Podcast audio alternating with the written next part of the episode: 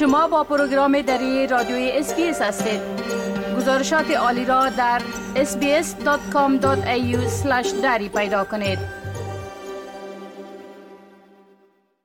صدر های نیو و ویکتوریا امیدوار هستند اصلاحات جدید Medicare در جلسه آینده کابینه ملی استرالیا در اول فبروری امسال در صدر آجندای این جلسه باشد. تقاضا برای اصلاحات در سیستم Medicare توسط صدر های ایالات و مسئولین صحی برای کم ساختن فیس دکتران برای مردم موضوع اساسی این اصلاحات خواهد بود. دامینیک پیروتت صدر نیو ساوت ولز و دانیل اندروز صدر ویکتوریا از حکومت فدرال می خواهند تا دسترسی بیشتر بیماران به GP ها به صورت رایگان را تضمین کند. و مصارف اضافی در استفاده از سیستم مدیکر را برطرف کند تا مراقبت بهتر از بیماران فراهم گردد. آنها همچنین خواستار بهبودی درآمد دکتران شدند. این افزایش در درآمد دکتران کمک می کند مریضان آسیب پذیر که نمی توانند هزینه های اضافی را بپردازند از سیستم مدیکر استفاده درست کنند. And we currently have a system, a health system from a federal and that's evolved over time working against each other, not alongside each other. Uh, we have a system where many people can't get into a GP and have category 4, category 5 issues and present at a public health emergency department and end up waiting for hours. Um, we have a real opportunity right now coming out of a one in 100 year pandemic to reform the health system. دامینیک پرت صدر ویکتوریا میگوید این اصلاحات فشار بر سیستم شفاخانه ها را نیز کاهش خواهد داد مارک بتلر وزیر صحت در حکومت فدرال می گوید تقاضاهای صدرزم های ایالتی را برای تقویت مدیکیر حمایت می کند. او گفت اصلاح مدیکیر به بحث مهمترین موضوعات در کابینه ملی تصمیم صدرزم استرالیا، صدرزم های ایالتی و وزرای ارشد بود.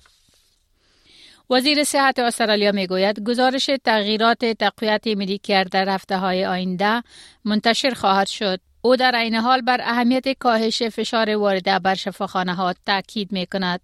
Uh, we said at the election that um, there was no higher priority for Labor in the health portfolio than strengthening Medicare and rebuilding general practice in particular, because the constant advice we have received across the country is that after nine years of cuts and neglect to Medicare, it has never been harder to see a doctor and never more expensive, with bulk, with bulk billing rates in decline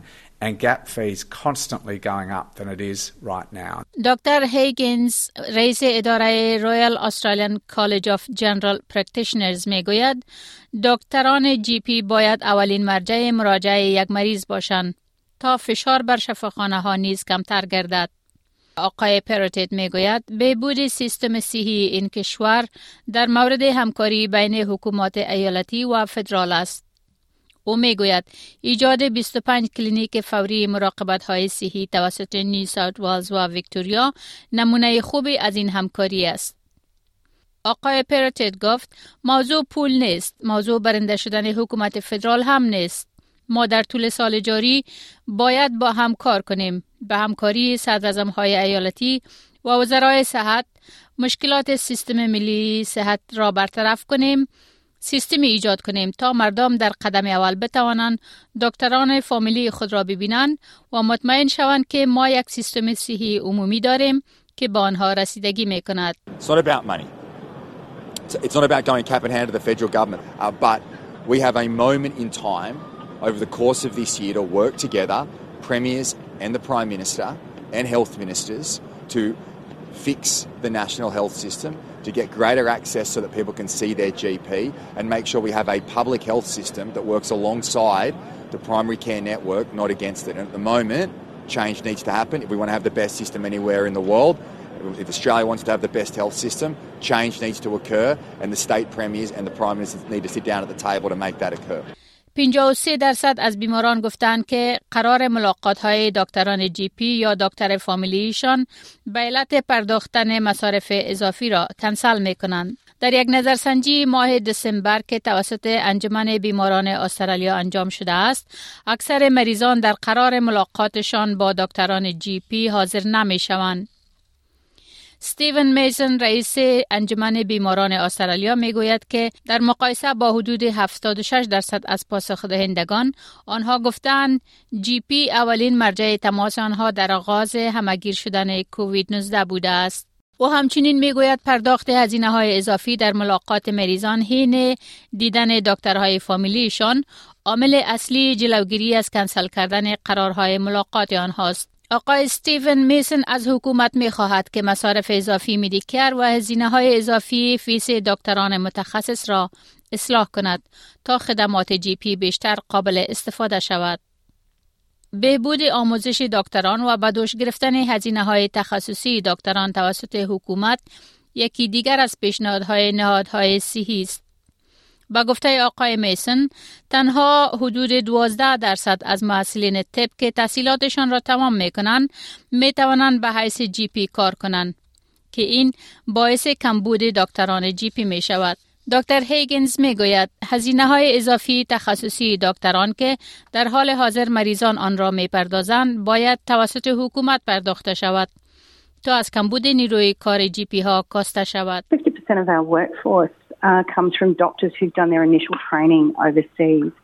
To become a GP, though, that that's a further three or four years, and those doctors coming into the country have to um, work in a rural or regional area and also need to become qualified as a GP. So they're having to pay up to $40,000 to do that.